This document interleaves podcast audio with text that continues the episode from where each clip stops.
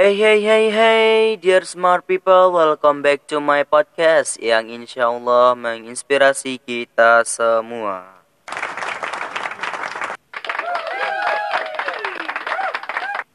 Nah pada episode ketiga kita akan membahas tentang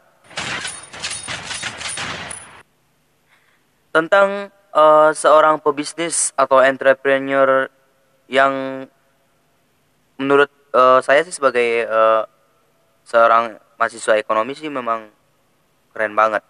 Nah, uh, pada kesempatan kali ini kita akan membahas tentang uh, Hartono bersaudara. Wow. Nah, sempat dikatakan bangkrut, beginilah kisah sukses Hartono bersaudara. Nah, itu judul tagline yang hari ini kita akan bahas ya, teman-teman. Menjadi orang yang terkaya di Indonesia, nama Michael Budi Hartono tentunya sudah tidak asing lagi di telinga masyarakat Indonesia.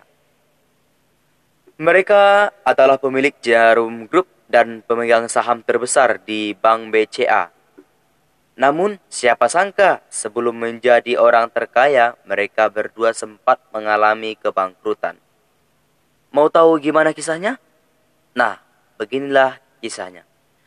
Hartono bersaudara memiliki nama asli Oe Hie Chong dan Oe Hie Shang. Merupakan anak dari perusahaan rokok kretek jarum Oe Wiegan. Pada tahun 1963 terjadi kebakaran yang me, yang memusnahkan. Bukan hampir ya tetapi memang ham, hampir memusnahkan seluruh aset uh, pabrik. Dan Jarum pun mengalami kondisi yang sangat tidak stabil. Di tahun yang sama, Oi Wigan juga meninggal dunia dan mengharuskan Hartono bersaudara mengurusi bisnis tersebut. Mereka pun mulai mengembangkan atau melebarkan sayap jarum dengan peralatan lebih modern dengan membeli mesin-mesin canggih. Salah satu rokok andalan buatannya saat itu adalah rokok jarum filter yang laris di pasaran.